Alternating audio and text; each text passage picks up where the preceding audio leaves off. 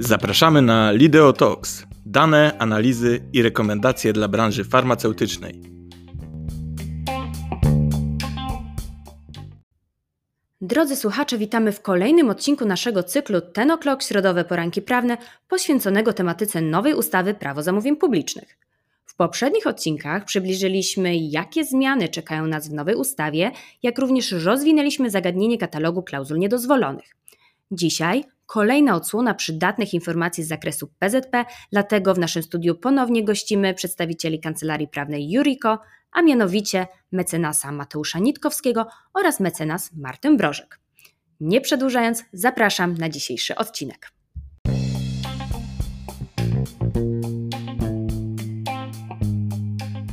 Słuchacie Lideo Talks.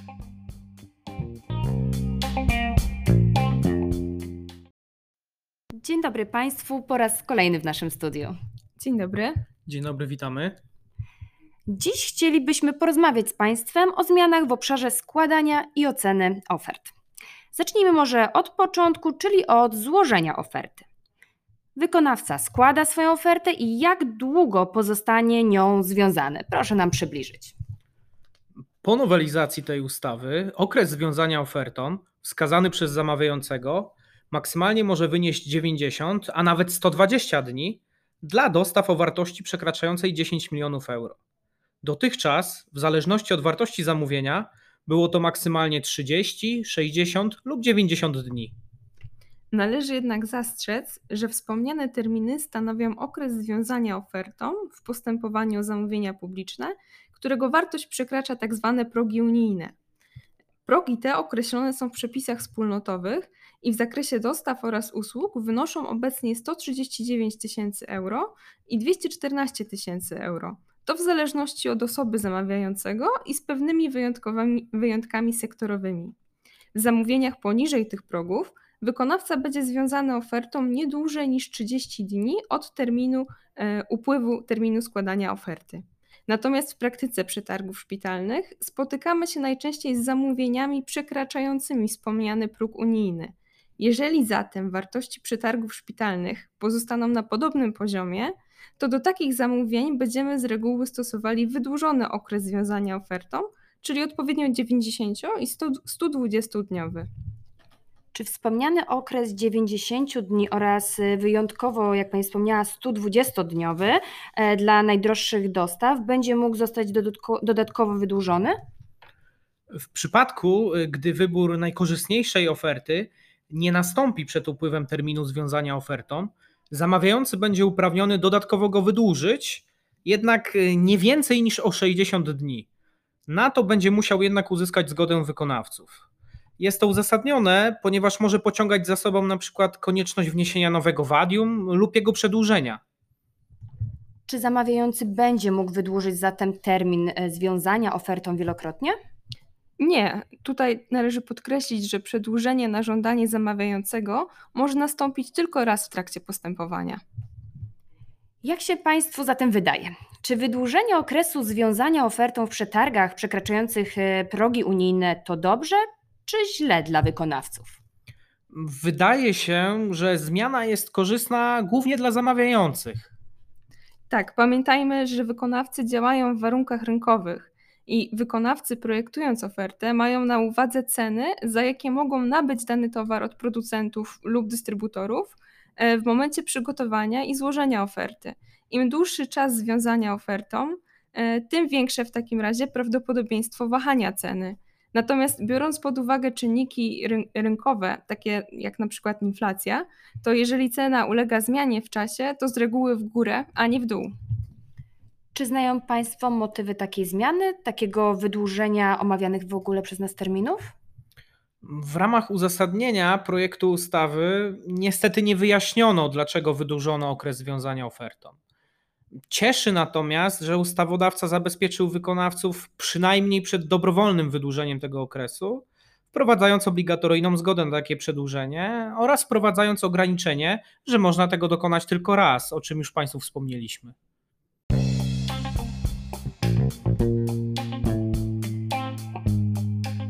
Słuchacie Lideo Talks.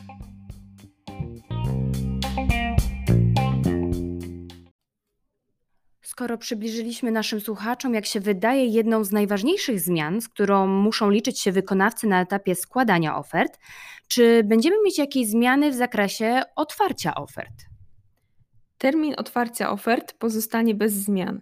Otwarcie ma nastąpić niezwłocznie, y, nie później jednak niż następnego dnia po upływie terminu składania ofert.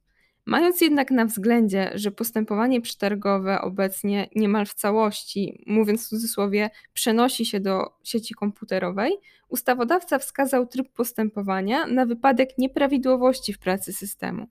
Mianowicie, jeżeli otwarcie ofert następuje przy użyciu systemu teleinformatycznego i wystąpi awaria, która powoduje brak możliwości otwarcia ofert w terminie określonym przez zamawiającego, to otwarcie ofert następuje niezwłocznie po usunięciu takiej awarii. A jakie to może mieć znaczenie dla wykonawców?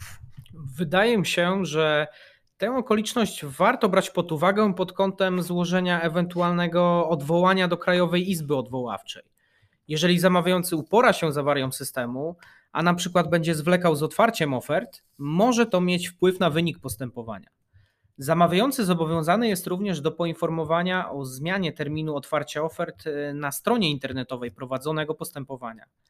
Jest to wyraz zasady przejrzystości postępowania i niezrealizowanie takiego obowiązku również może stanowić podstawę odwołania. Wspomnieliśmy o zasadzie przejrzystości. Czy wprowadzone zostały jakieś przepisy, które mogą wpłynąć na mniejszą lub większą przejrzystość postępowania? Z jednej strony ustawodawca nakazuje zamawiającemu informować o nowym terminie otwarcia ofert w przypadku awarii systemu. Natomiast z drugiej strony znosi on wymóg publicznego otwarcia ofert. Nowa regulacja jest wyrazem podążania ustawodawcy za tym trendem przenoszenia postępowań do sieci komputerowej. Ciężko bowiem o publiczne otwarcie ofert w dotychczasowej formie, czyli tradycyjnie na żywo, skoro przybiera ona postać elektroniczną. Przechodząc do szczegółów, e, zamawiający będzie miał obowiązek podania informacji o kwocie, którą zamierza przeznaczyć na finansowanie zamówienia. Musi to uczynić przed otwarciem ofert na stronie internetowej.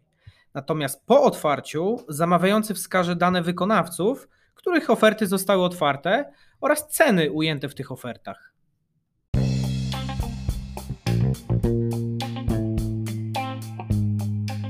Słuchacie Lideo Talks.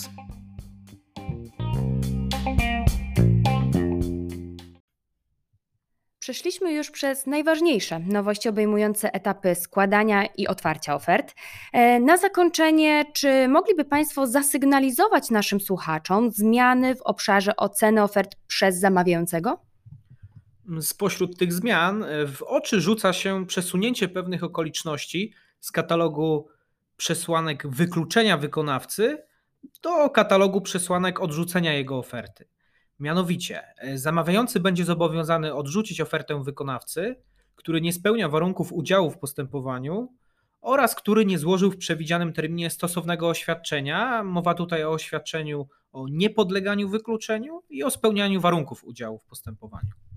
A co z ofertami niespełniającymi właśnie tych e, wymagań co do formy? Zgodnie z nową ustawą, w postępowaniu przekraczającym wspomniane dziś przez nas progi unijne, Dokumenty takie jak oferta, wniosek o dopuszczenie do udziału w postępowaniu, e, czy też oświadczenie, o którym wspomniał przed chwilą Mateusz, składa się w formie elektronicznej, czyli zabezpieczonej tak zwanym podpisem kwalifikowanym. Będzie to forma zastrzeżona pod rygorem nieważności. Natomiast w postępowaniu nieprzekraczającym progów unijnych dokumenty te składa się również pod rygorem nieważności i również w formie elektronicznej, ale dopuszczalne jest ich złożenie także w postaci elektronicznej, opatrzonej podpisem zaufanym lub podpisem osobistym. Słowem wyjaśnienia jeszcze, e, podpis zaufany posiada osoba, która dysponuje urzędowym profilem zaufanym. Można nim podpisywać na przykład pisma składane do organów administracji przez ePUAP, e, a natomiast podpis osobisty jest zakodowany w nowych dowodach osobistych, tak zwanych e-dowodach. Podsumujmy może zatem. E, postępowanie powyżej progów unijnych, forma elektroniczna dokumentów, czyli dokumenty zabezpieczone elektronicznym podpisem kwalifikowanym. Natomiast w postępowaniu poniżej progów unijnych dopuszczalny będzie również podpis zaufany, innymi słowy podpis e, cyfrowy urzędowy lub podpis osobisty zakodowany w nowym e-dowodzie, dowodzie osobistym. Wszystkie te podpisy mają postać cyfrową, lecz każdy ma inne źródło, specyfikę i o ile można tak powiedzieć, inną moc. Natomiast forma złożenia dokumentu, przechodząc tutaj do pierwszego pani pytania, ma doniosłe konsekwencje, ponieważ jej niedochowanie będzie powodować odrzucenie oferty. Faktycznie chciałam tak e, szczegółowo podsumować e, te elektroniczne podpisy, ale na całe szczęście zostałam e, z tego obowiązku wyręczona. Więc dziękuję Panie Mateuszu. Dzisiaj, drodzy słuchacze, powiedzieliśmy bardzo dużo o etapach składania i oceny ofert. Na dzisiaj to wszystko. Potężna dawka wiedzy do Państwa poleciała. Na tym myślę zakończymy, chyba że Państwo macie jeszcze coś do dodania. Nie, na dziś nie mamy nic do dodania, aczkolwiek oczywiście z chęcią przyjrzymy się Państwa propozycjom tematów, y, Państwa sugestiom i z chęcią oczywiście opowiemy jeszcze więcej o y, nowej ustawie prawo zamówień publicznych. E, zatem, drodzy słuchacze, czekamy na komentarze, e, o czym jeszcze chcielibyście posłuchać e, w kolejnych odcinkach. Ja na dzisiaj serdecznie dziękuję i zapraszam jak co tydzień na cykl Ten O'Clock, środowe poranki prawne w naszym programie Lideotox. Dziękuję raz jeszcze. Dziękujemy. Dziękujemy bardzo, do usłyszenia.